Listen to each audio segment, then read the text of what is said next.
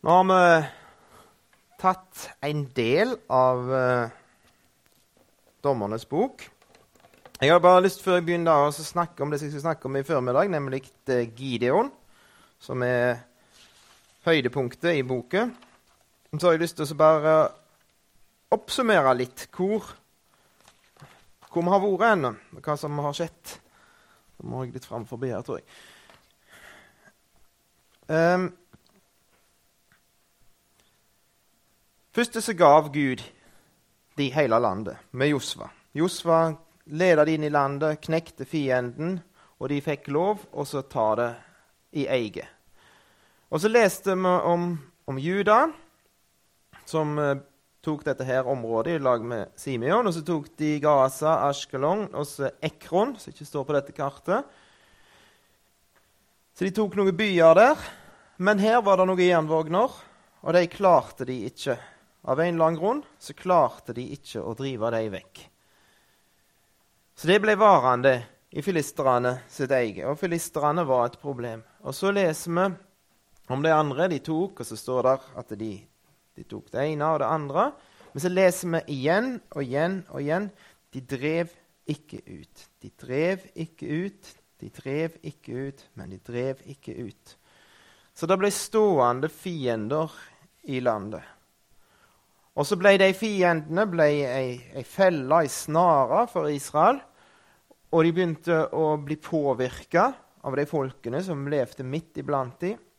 De begynte å be til de samme gudene som de ba til, og forlot Herren sin Gud. Og så begynte Gud å sende og slippe fiender til, sånn at de ble undertrykte. Sånn at de skulle kjenne på kroppen hva dette her betydde å forlate Gud. Hva det kosta. Og det første vi leste om, det var at det, det var en fiende fra Mesopotamia, altså langt borti her i, i øst. En fjerne fiende som egentlig ikke var en trussel for dem i utgangspunktet. Men Gud tillot at det de ikke hadde regna med De trodde de hadde noenlunde kontroll. De hadde kontroll på landet, de hadde gjort de arbeidspliktige, de hadde fått seg sine åkrer. de hadde... Ja, det var ting som ikke burde være der. Var... Egentlig så burde de ha Har dere hørt det ordet? Har dere brukt det sjøl? Det ordet 'egentlig' det er det djevelen som har funnet på, har jeg tenkt. For vi sier hele tida 'egentlig burde jeg'. Og så er er det, men jeg gjør det ikke. Men hvis det er sant at det egentlig så burde vi, så må vi gjøre det. I Guds kraft. Og de hadde latt dette egentlig ødelegge for seg. Så sendte Gud en, en ytre fiende, en onde fiende. Han Kushan, den dobbelt onde. Og så ble de undertrykte. Og så reiste Gud opp, Otniel, og så ble de befridde ifra han. Så det var her. Så her ble det kom det en mann fra Judas stamme, og så angrep han og fikk makt over fienden, og Israel ble, ble befridd. Og så var det parallellen til, til Otniel. Det var, var Samson. Han var herifra og begynte å slåss mot disse her på en voldsomt ufullkommen måte. Og med voldsomt eh, egoistiske motivasjon, men likevel så visste Samson forskjell på fiende og venn. Ja, han visste det ikke, for han forelska seg i, i da, jentene. og Han så all slags flott, ikke den fienden, men han visste likevel filisterne er fiender. Det var i mørketid, voldsom mørketid.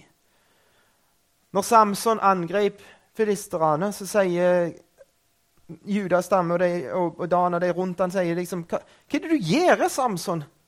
Angriper filistrene. Vet du ikke at filistrene hersker over oss? Altså, De hadde vent seg til at fienden skulle ha plass i livene deres, i landet deres. Og Det var best å la de være i fred. Best ikke røre dette her, best ikke ta tak i det. Men det gjorde i fall, der var iallfall Samson et takk bedre. Og Han ble nevnt som en troens mann. Og det er nok spesielt for måten han døde på, men det er jo når altså Herrens ånd kom over ham. Han gjorde det i Guds kraft, selv om det var ufullkomment og fullt av feil og, og til og med synd i livet til Samson. så begynte han å angripe disse her filistrene. Et område av landet som Guds folk egentlig skulle hatt. Som Gud skulle ha beherska, men som ikke var beherska av Gud. Men som var beherska av filistere og avguder. Og så leste vi om, om Ehud. Han var ifra Benjamin. Og han, der kom angrepet herifra. Ifra et, noen som var nært. Og så slo de seg sammen med dem, og så angrep de sånt. Og så ble undertrykt, og så ser vi at, at han, han, han, klarer å vinne en, en seier med å ta de her på med vadestedene. Han overvinner undertrykkeren med sverdet, med, med, et ord ifra, for Herren. Og så var det en som het Jefta, som vi ikke snakket om i går. Han, han Gjefta han, han, var herifra, fra Gilead, dette området her, et, et, fjellområde. Her har du fjellområder i Israel, og her har du fjellområder. Her har du en voldsom djupedal. Her er vel det djupeste fastlandspunktet på jordkloden vår. 400 meter under havnivå, er det det? Så det er en dyp dal, fjeller, flotte sletter som de sleit med å få kontroll på. Og her er du på fjellene igjen. Og han, Gideon, han, han uh, Jefta Han fikk angrep herifra, fra ammonittene. Og de gjorde krav på dette. De sa at dere har tatt dette her ifra oss. Dette er ikke rett. Dere har tatt landet vårt. Dere har tatt noe som er vårt.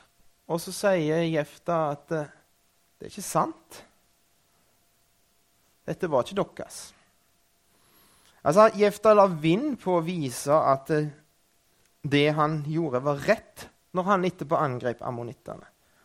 De hadde ikke rett til å angripe dem. Men så, så gjorde han det, det og, så, så ser vi Jefta vinne en seier. og Så, så er det noe merkelig med han. Ehud han står fram som en, en Guds mann, og det er ikke noe negativt å, å lese om han. Kanskje var han litt feig, og så trekte seg, og så ombestemte han seg når han kom til avgudene i Gilgal, og så snudde han, og så gjorde han det likevel. Det vet vi ikke. Kanskje. Men det står på en måte ingenting negativt om ham. Men, men Jefta han, han var merkelig skrue. Han sa at den første hvis Gud hvis at, den, hvis at jeg vinner over ammonittene nå, så skal den uh, første som kommer ut av huset mitt når jeg kommer tilbake igjen, skal jeg ofre til deg som brennoffer. Og så kom Når han kom tilbake igjen, så kom det dyreste han hadde. Den eneste ungen, datteren. Og så vi vet ikke. Altså, kanskje ofrene. Kanskje ikke. Kanskje betyr det, bare, det bare, betyr det bare at hun ikke skulle bli gift, at hun skulle tjene Herren. Men, men, det ser ut som han faktisk gjorde noe helt forferdelig. Noe som var likt det som de andre folkene gjorde. Der han var en mann av si tid. Likevel ble han presentert i hebreerbrevet 11 som en troens mann som vi skal etterfølge i hans tro. Det er utrolig merkelige greier, er det ikke det? Men hvis vi kikker tilbake i historien vår En av grunnene til at vi sitter her i dette rommet i dag Og at jeg kan stå her og tale til dere som verken er prest eller pastor eller noen ting som helst At vi kan ha denne friheten det er en mann som heter Martin Luther. Han var en gudsmann. Han var en mann, en troens mann. En mann som oppdaga rettferdiggjørelsen med tro og kjempa for dette her. Og vant store seire over fiender som herska i Guds folk. Men hvis vi leser Martin Luther Han var en jødehater. Han skrev forferdelige ting. Han var for heksabrenning. Syntes det var gode greier. Han sa at gjendøperne kunne likevel like godt druknes når de første ble, ble døpte. Han, han hadde en rolle når at bøndene gjorde opprør mot fyrstene, så gav han på en måte fyrstene legitimitet til å slå hardt ned på dette. En mann full i feil. I tillegg så, så sier, sa Per Lønning, som var, en, var ekspert på Luther, at uh, Martin Luther var sjelden edru. Det er en ufullkommen mann som likevel er en troshelt i kirkehistorien. Og det gir likevel håp. Det Gud kan bruke oss som er ufullkomne. Og vi er heldigvis forhåpentligvis ikke sånn som Jefta. Men vi er ufullkomne, og så har vi en Gud som kan bruke oss.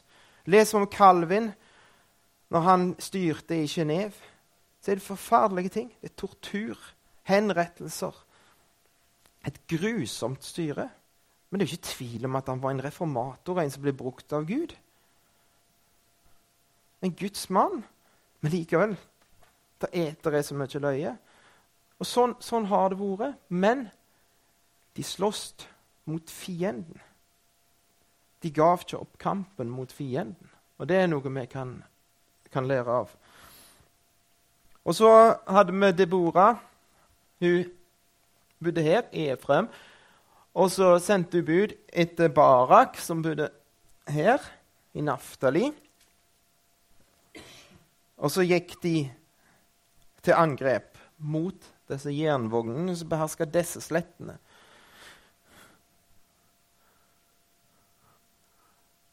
Når, når Israel altså, Jeg, jeg tipper det, uten at jeg har så god greie på, på, det, så vil jeg tro at her oppe var det gode forhold for å dyrke druer, frukt og den slags ting. Vanskelig å dyrke koden i et fjelland med hauger og daler. og her flotte sletter som de ikke hadde tilgang til. Så de fikk ikke den nytten av landet de bodde i, som de skulle hatt. De fikk noe, men ikke alt. Det var noe som var, de var forhindra ifra å nyte både her og her pga. noe som var for sterkt for dem. Men så gikk de til angrep i Guds kraft, og de ble, de ble med, de ble med, de ble med, de ble med. Manasseh leser vi ikke så mye om. De ble ikke med. De satt og hadde rådslagninger og tenkte seg om om skal, Kanskje vi burde egentlig vært med, vi òg. Men de kom aldri så langt. Og de, de hadde det greit der de var, så de ble sittende på strendene sine. Og de syntes òg det var greit, så jeg var heller ikke med. Og Sånn er det når at eh, fienden skal angripes. Det er ikke alle som blir med. Men det var noen som ble med, og de fikk vinne en kjempestor seier for Gud. Og, sånn, og så fikk det positive følger for alle andre òg. Seinere så fikk de sjansen, de andre òg. Men vi ser Guds folk er undertrykte av fiender. Gud sender en mann, eller flere i, i dette tilfellet. Altså i Guds kraft så driver han fienden ut. At de områdene som var beherska av fiender før, de er nå beherska av Guds folk. Og Da kan vi dra paralleller til mitt og ditt liv. Områder som var beherska av fienden før, som kan komme under Guds herredømme. Her var det Så har vi han merkelige Manasseh han som var fra Manasseh, Abimelek igjen, han Der var ikke fienden eh, noen ting. Fienden var dommeren. Fienden var lederen i Guds folk. Guds folk måtte befri seg fra sin egen leder. Og Anders snakket allerede litt om årsakene til dette. Han snakket om faren, nemlig Gideon sin synd som førte til at det ble, at det ble sånn som det ble. Og Vi skal snakke om, om mer om Gideon i dag, for nå er vi kommet til på en måte høydepunktet i, i måten denne boka er bygd opp på. Det er den sentrale fortellingen i Dommernes bok, fortellingen om Gideon. Han var ifra Manasseh. Og da skal vi skal jeg snike meg inn her, så skal vi begynne å, å lese.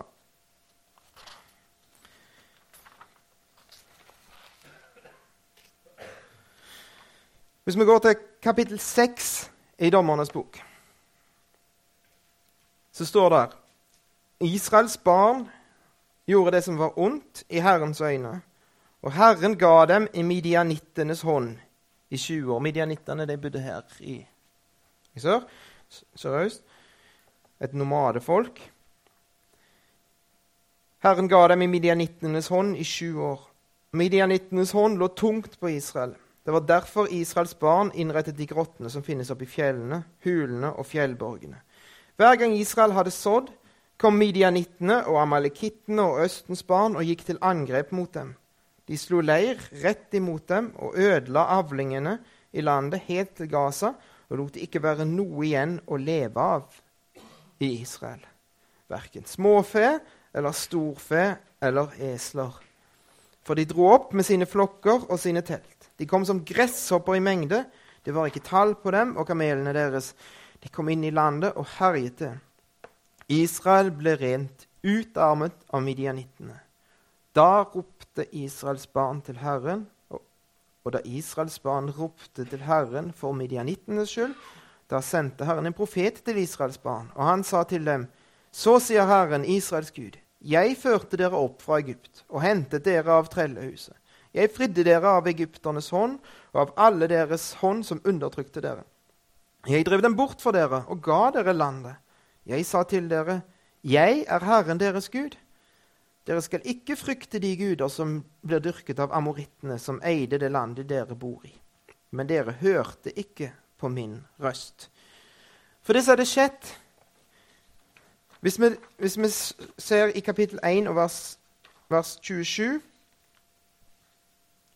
så står det at Manasse drev ikke bort innbyggerne i Betsean med tilhørende småbyer, eller i Tanak med tilhørende småbyer, eller innbyggerne i Dor med tilhørende småbyer, eller innbyggerne i Gibleam med tilhørende småbyer, eller innbyggerne i Megiddo med tilhørende småbyer. Det lyktes kanoneerne å bli boende der i landet. Og så førte det, som sagt, til at Israels barn begynte å bli påvirka av disse. De begynte å drive hor, står der, med, med avgudene. De var utro imot Gud. Gud skulle ha hele deres lojalitet. Gud skulle være den ene som de tjente, den ene som de falt ned for, den ene som de forventa det gode i livet ifra. ifra. Men så fant de ut at de kunne jo få noe godt ifra disse andre òg.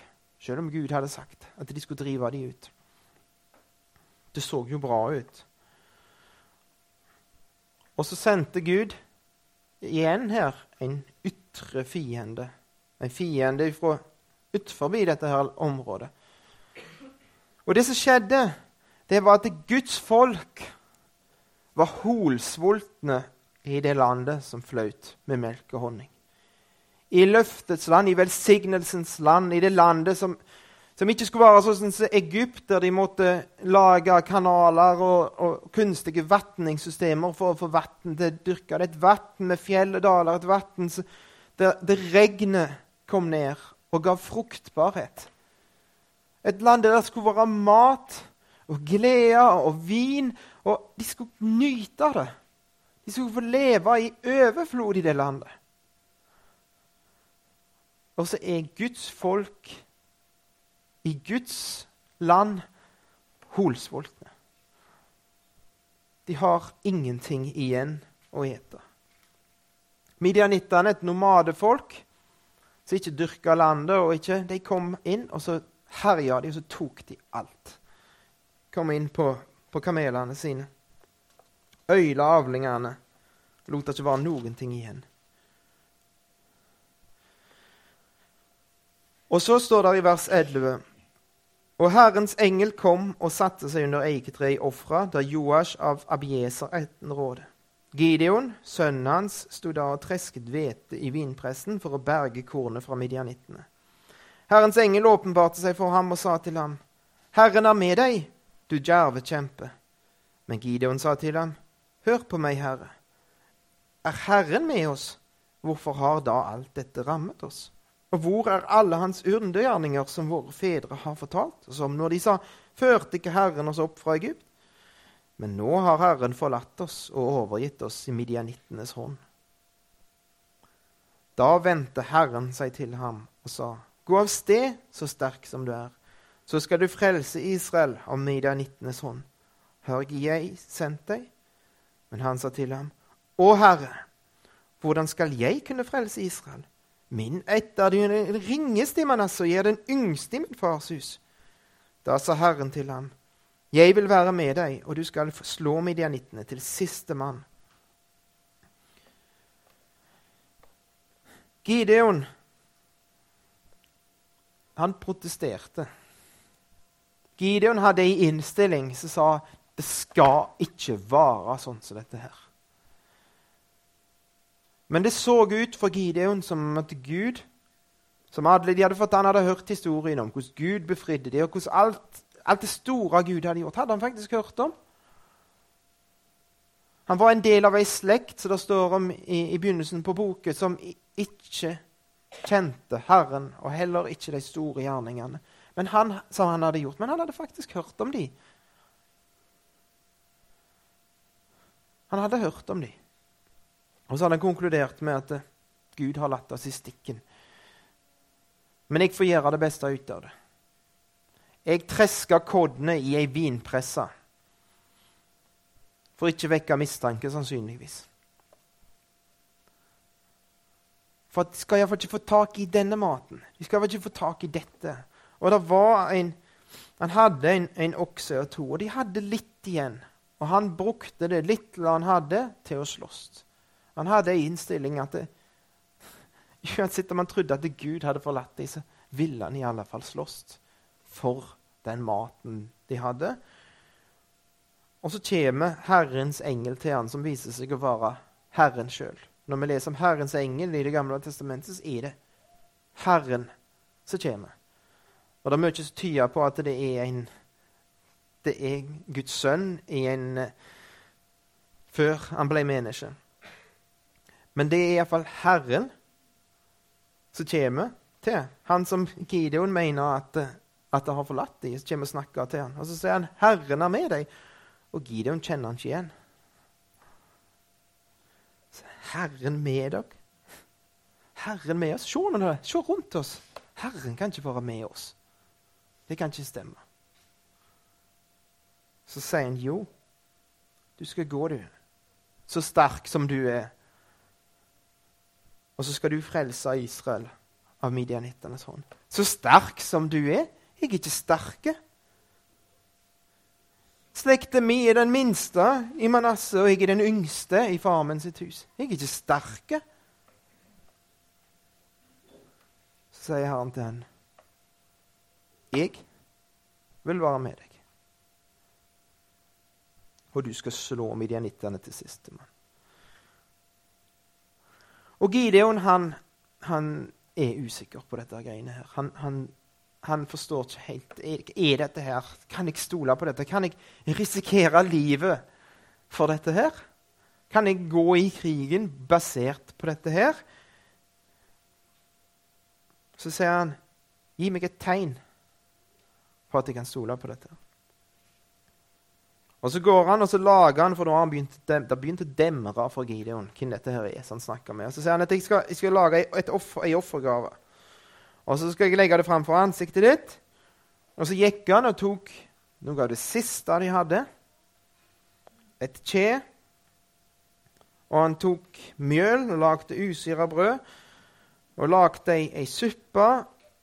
Og så kom han ut der Guds engel satt. Og Så fikk han beskjed om å legge dette her på en stein, og så brant Så rakte Herrens engel ut staven, og så brant både kjøttet og brødet opp. Og Herrens engel forsvant framfor øynene. Og da skjønte Gideon hvem han hadde med å gjøre. Dette var ikke hvem som helst.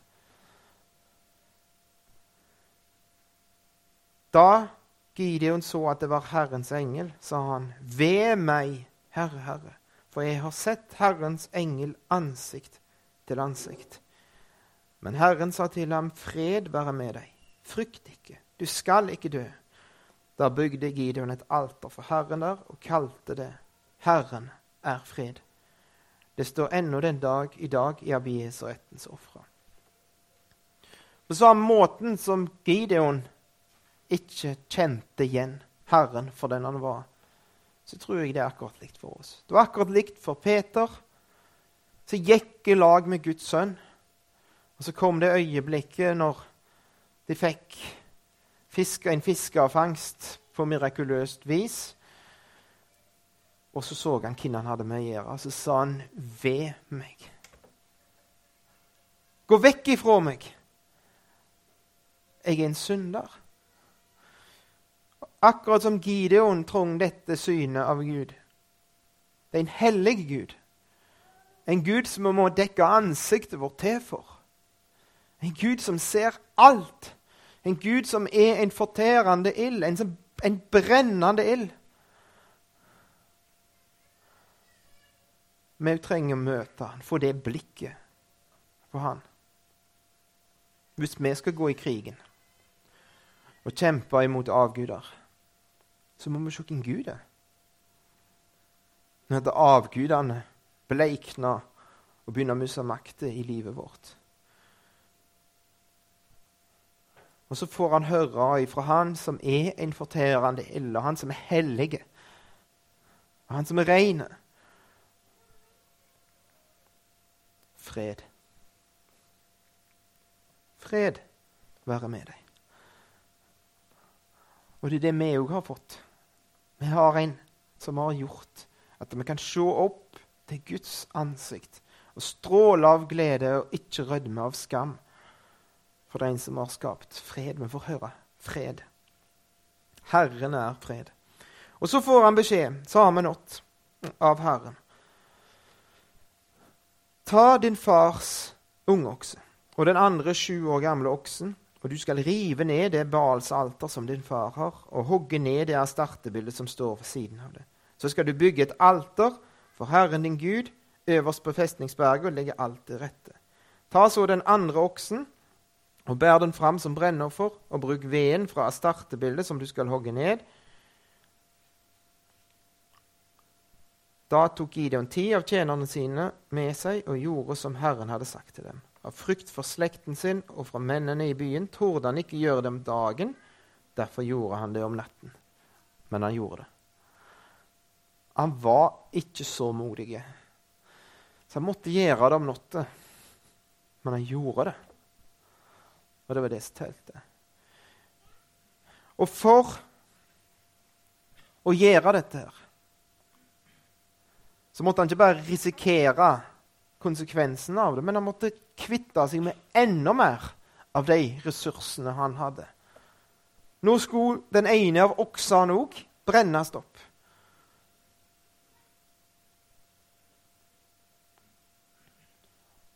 Og så våkna de neste morgen og så lurte hvor i all verden er avgudsbildet blitt av.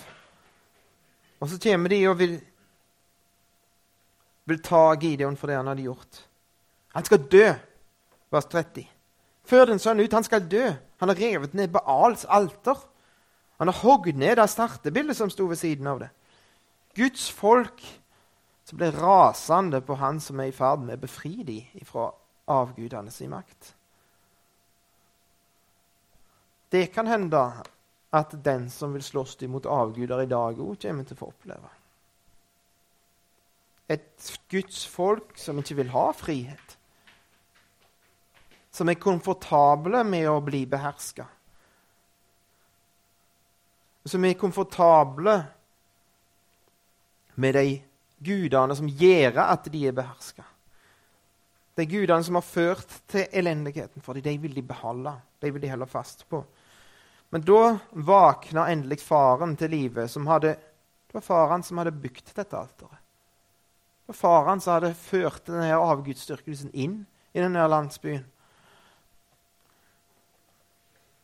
Og Da sier han, da skjønner han dette her, og så sier han vers 31. Vil dere kjempe for Baal? Vil dere hjelpe han?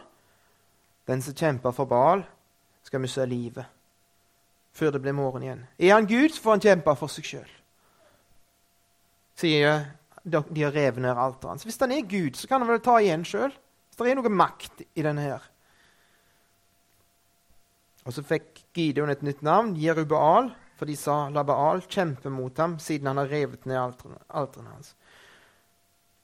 Og så kommer fienden. Midianittene, amalekittene og østenspann slo seg nå sammen og satt over Jordan, og de slo leir i Israel-dalen.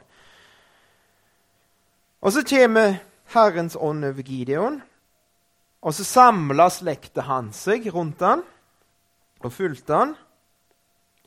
Og så sendte han bud omkring i hele Manasseh, og så fulgte de han. Og så sendte han bud til Aser oppe til, til venstre. Aser, de hadde ikke vært med Barak, men de ble med nå. Sebulon ble med igjen. Og de kom opp og slutta seg til dem. En store hær. En store hær, forholdsvis store hær, ble samla for å slåss imot disse fiendene. Men Gideon han føler seg fremdeles usikker. Og så sier han, 'Kan jeg være helt trygg?' Hvis du vil frelse Israel, Herre, så, så trenger jeg et tegn til fra deg. Denne ulldotten her, jeg lar den ligge ute om natta. Og hvis det, blir, hvis det bare den som er våt av dogg og alt annet er tort, da vet jeg. Da vet jeg. Så skjedde dette. Han var full i vann. Ei hel skål fullt med vann var der i den ulldotten. Og da skulle vi jo tro at da var Gideon overbevist om at nå, nå kan han gå. Men han hadde et hode som fant ut at det kunne være naturlige forklaringer på dette. her, og Det kunne jo hende at det var tilfeldig. Det kunne jo Og så sier han OK Ikke bli sinte på meg, men la meg prøve et nytt forsøk. Jeg legger den ut, og så nå skal den være torre, og så skal alt annet være vått. Så var ullen torre, men det var dogg over hele merket. Og da følte han seg trygg nok. Var det feil av Gideon, dette greiene her? Er det feil av oss når vi er usikre, og ber Gud om å, å, vise oss og gi oss en, en ekstra trygghet på en eller annen måte? Det er to sorter tvil. Og de ser vi Begge de sortene tvil kan vi lese om i Lukas evangeliet i kapittel 1. I Lukas 1 vers 18 så leser vi om en som får beskjed om at han skal få en, en sønn.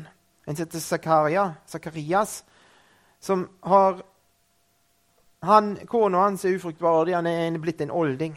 Og Så får han beskjed av en Guds engel om at han skal få en sånn. Og så sier han hvordan i all verden skal det gå til? Og så blir han straffa for det, for at han ikke stolte på det ordet. Mens Maria får beskjed noen vers seinere, vers 34, så spør hun akkurat samme spørsmålet. Hvordan skal dette gå til når hun får høre at hun skal bli mor til Messias? Men hun blir ikke straffa, hun blir ikke stumme det skjer ingenting med henne. Hun får faktisk svar på spørsmålet sitt. Når det er noe som heter å tvile i vantro, ei innstilling til Gud der du ikke stoler på Han. Ei bevisst innstilling til Gud i vantro. Og den blir slått ned på, ikke Sakarias. Men det er, er, noe som heter usikkerhet. Det er noe som heter 'jeg tror', hjelp, min vantro. Hjernen lager problemer. Det kan jo være naturlig, det kan jo være en tilfeldighet. det kan jo være...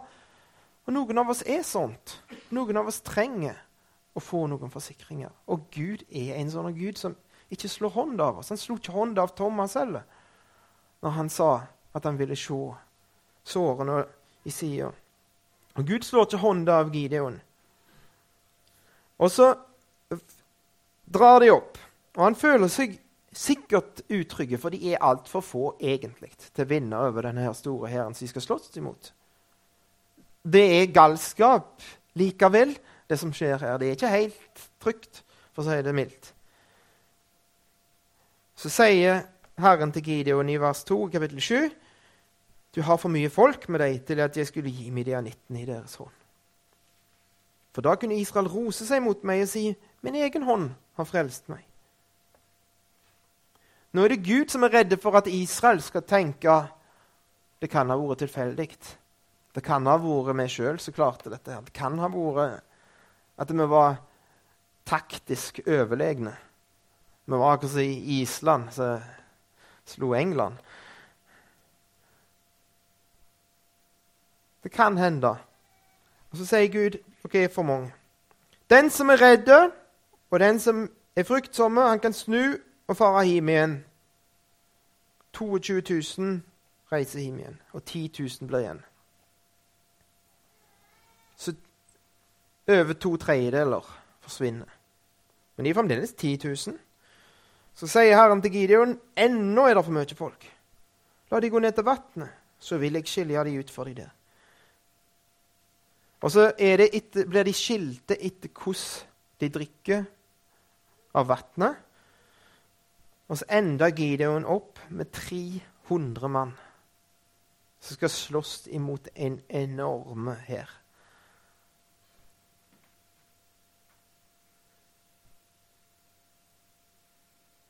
Vers 8. Så tok de med seg folkets matforråd og deres horn.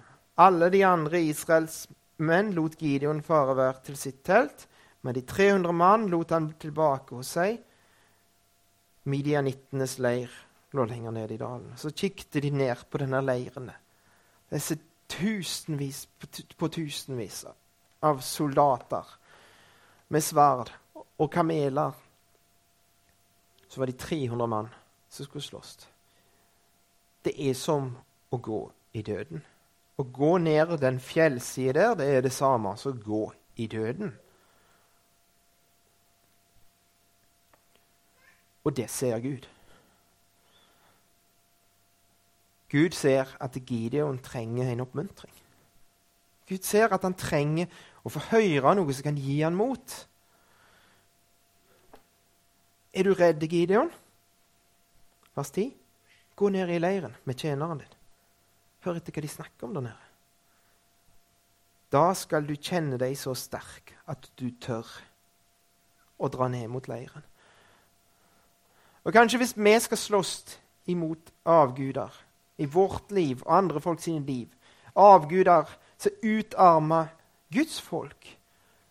Avguder som gjør at avgudsdyrkelse og fiender som har ført til at Guds folk er sultne midt i løftesland.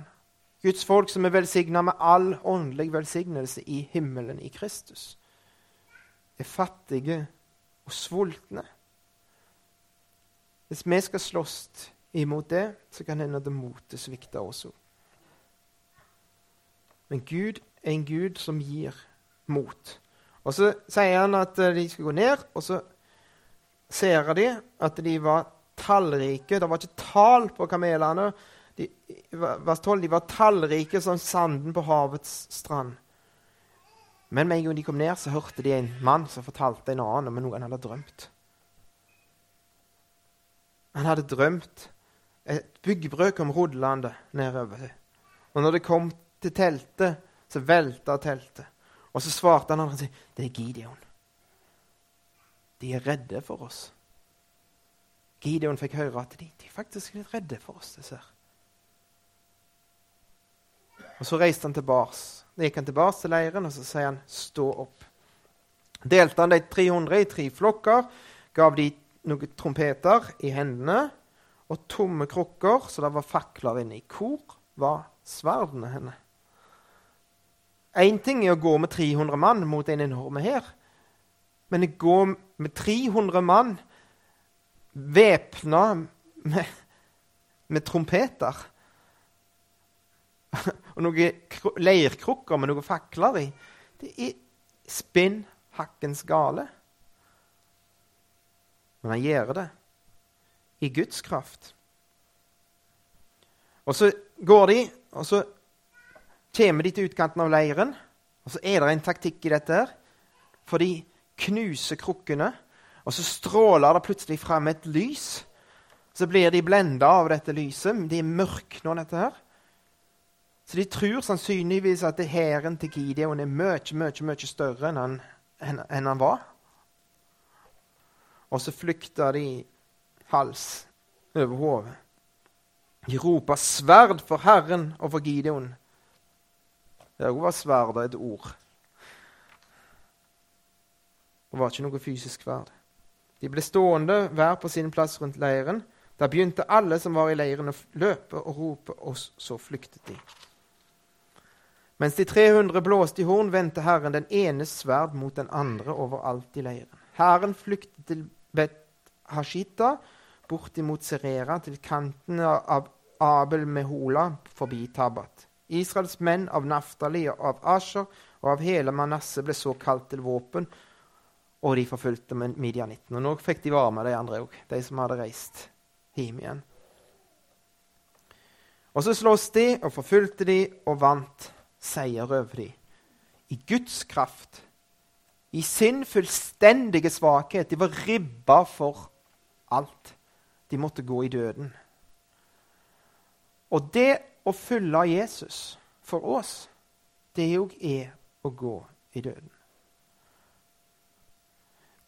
Peter får beskjed om i Matteus 16 av Jesus at eh, den som vil komme etter meg, han må fornekte seg sjøl, ta opp korset sitt og følge meg.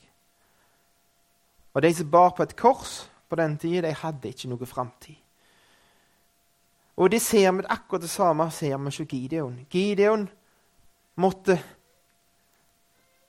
gi slipp på framtida si. For det første så ofra han den ene oksen på alteret og risikerte noe der. Og det neste du ser det er at han må på et selvmordsoppdrag med 300 mann mot en enorme hær. Han går rett og slett i døden. Og så vinner han en enorme seier. Og det er det Jesus sier. Den som mister sitt liv, for min skyld. Han skal finne det. Og når Lukas forteller akkurat samme fortellingen til oss, så sier han at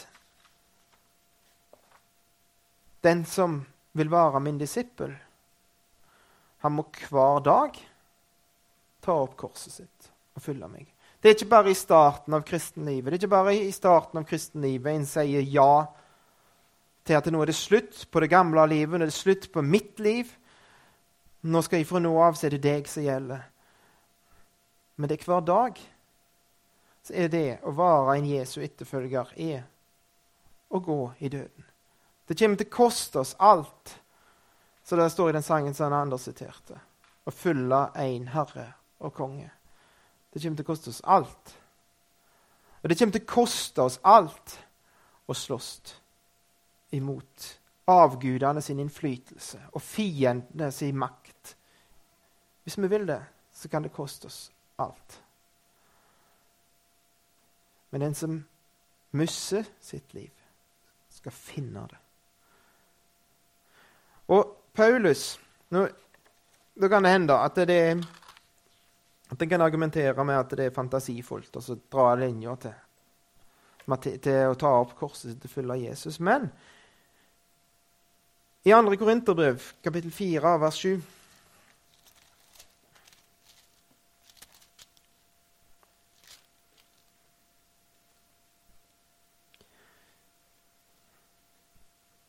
4 vers 6.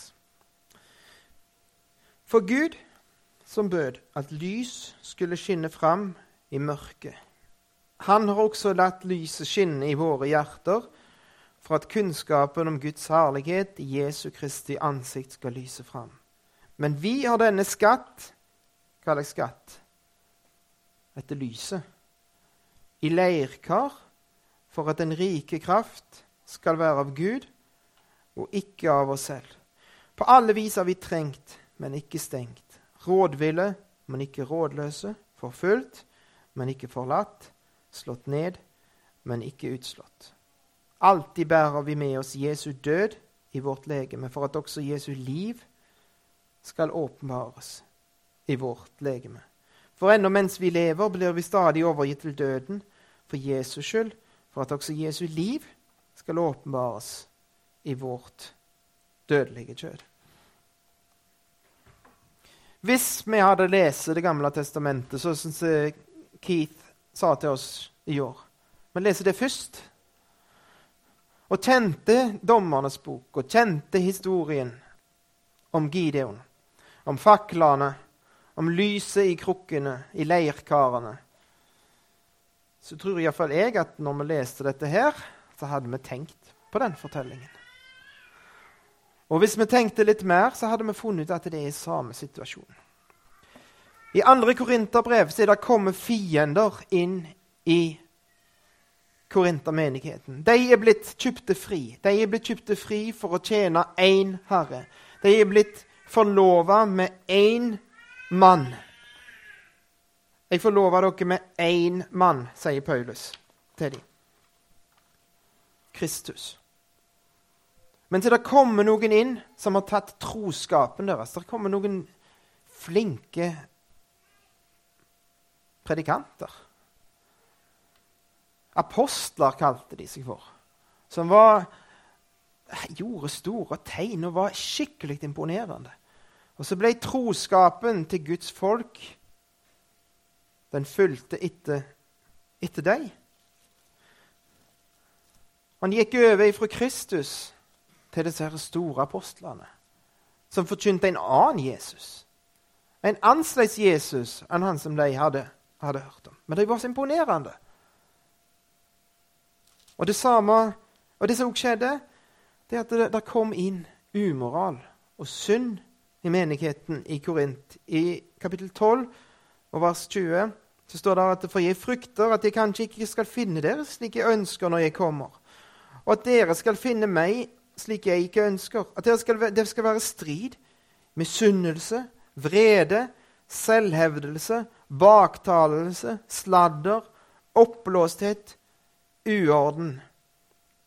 Jeg frykter for at min Gud igjen skal ydmyke meg blant dere, og at jeg skal måtte sørge over mange av dem som tidligere har syndet og ikke har omvendt seg fra den urenhet, utukt og skamløshet de har drevet med.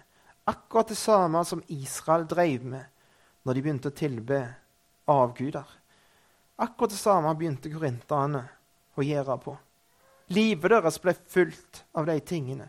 Og det er akkurat det samme som skjer med oss når vi begynner å dyrke avguder. Det er at det så når ting får makt på områder i livet vårt. Og så er det området som Gud skulle ha vært Gud sitt, det blir fienden sitt. Og så kommer fiendene og utarmer oss, og så blir vi fattige og uten mat midt i løftets land. Og så skulle Paulus, som en, på en måte som en Gideon, slåss for å befri disse korinterne. Og så opplever han at han må gjøre det i svakhet. Han opplever at den lille styrken han har, blir tatt ifra han. Han opplever at han blir knuste. Og så ser han det som skjer. Hva er det som skjer? Hva er det som skjer med meg? Jeg trenger jo kraft hvis jeg skal slåss. Jeg trenger jo ha, ha styrke for å slåss. Hva er det som skjer med meg? Han ba Herren i kapittel 12 tre ganger. En Herrens engel som som slo han. Og så står det i vers 8.: Jeg ba Herren tre ganger om at jeg måtte vike fra meg. Men han sa til meg, Min nåde er nok for deg, for min kraft fullendes i skrøpelighet. Derfor vil jeg helst rose meg av min skrøpelighet, for at Kristi kraft kan bo i meg. Det er når leirkarene, når krukkene blir knuste, at det lyset stråler fram. Det er når Kristi død er virksomme i vår kropp, at det livet hans kan stråle fram og skape frihet og skape fruktbarhet i Guds folk. Og det er det det koster å følge Jesus. Og det er det det koster Å være en, en som slåss. Være en hyrde. Å være en tilsynsmann. Være en eldste. Som passer på sauene. Og som, i, som er villig til å gå i døden for dem. For at de skal få liv og mat og trygghet. Og noen er kalte til det. Men vi alle er kalte til å slåss imot fiendene i Guds kraft. Og han gir seier. Men så ser vi i Gideon sitt liv til slutt vi ser nedgang. Det var ikke han som befridde, han som gjorde opprør mot avgudene. Han endte opp med å dyrke en avgud sjøl. Han dyrka sin egen seier. Han blir en stor mann. Anders viser den, den falske ydmykheten i Gideon. I begynnelsen så leser vi om ekte ydmykhet. Jeg er den minste. Jeg er ingenting. Han ender med falsk ydmykhet. Han ender med å få en sønn som, at, som heter 'Min far er konge'. Og det ender opp med at uh, han som hadde slåss mot fiendene, han ender opp med å slåss mot Guds folk å drepe Guds folk. Og det er mange eksempler på det i historien. Men det trenger ikke gå så med oss. Vi kan lese om Gideon, og så kan vi lære av det. For det gikk ikke så med Paulus. Paulus, som var en sånn Gideon på mange måter, det gikk ikke sånn med han. Han kunne si på slutten av livet sitt jeg har fullført løpet bevart troen. Og nå ligger rettferdighetens krans klar for meg. Nå måtte Gud gi oss alle det. Far, jeg takker deg for det vi kan lære av disse fortellingene fra Det gamle testamentet. Og, og, så kan du gi oss lys over det. Og jeg ber om at det, det må bli noe som setter oss i stand til og gir oss mot til å slåss imot de fiendene som behersker oss i våre liv som herjer iblant de som vi er i nærheten av. Som er undertrykte, som gjerne ikke har mat. At vi kan få være med og være sånne som gir mat til Guds folk. Som sørger for at maten er der igjen. At gleden er der igjen. At det tørre landet blir fruktbart igjen. Det som er ødelagt, det som fienden har herja. Ber om at du skal reise opp sånne menn, sånne gideoner som blant ditt folk, og ber om at vi må være villige den dagen du kaller oss til å gå i striden. Amen.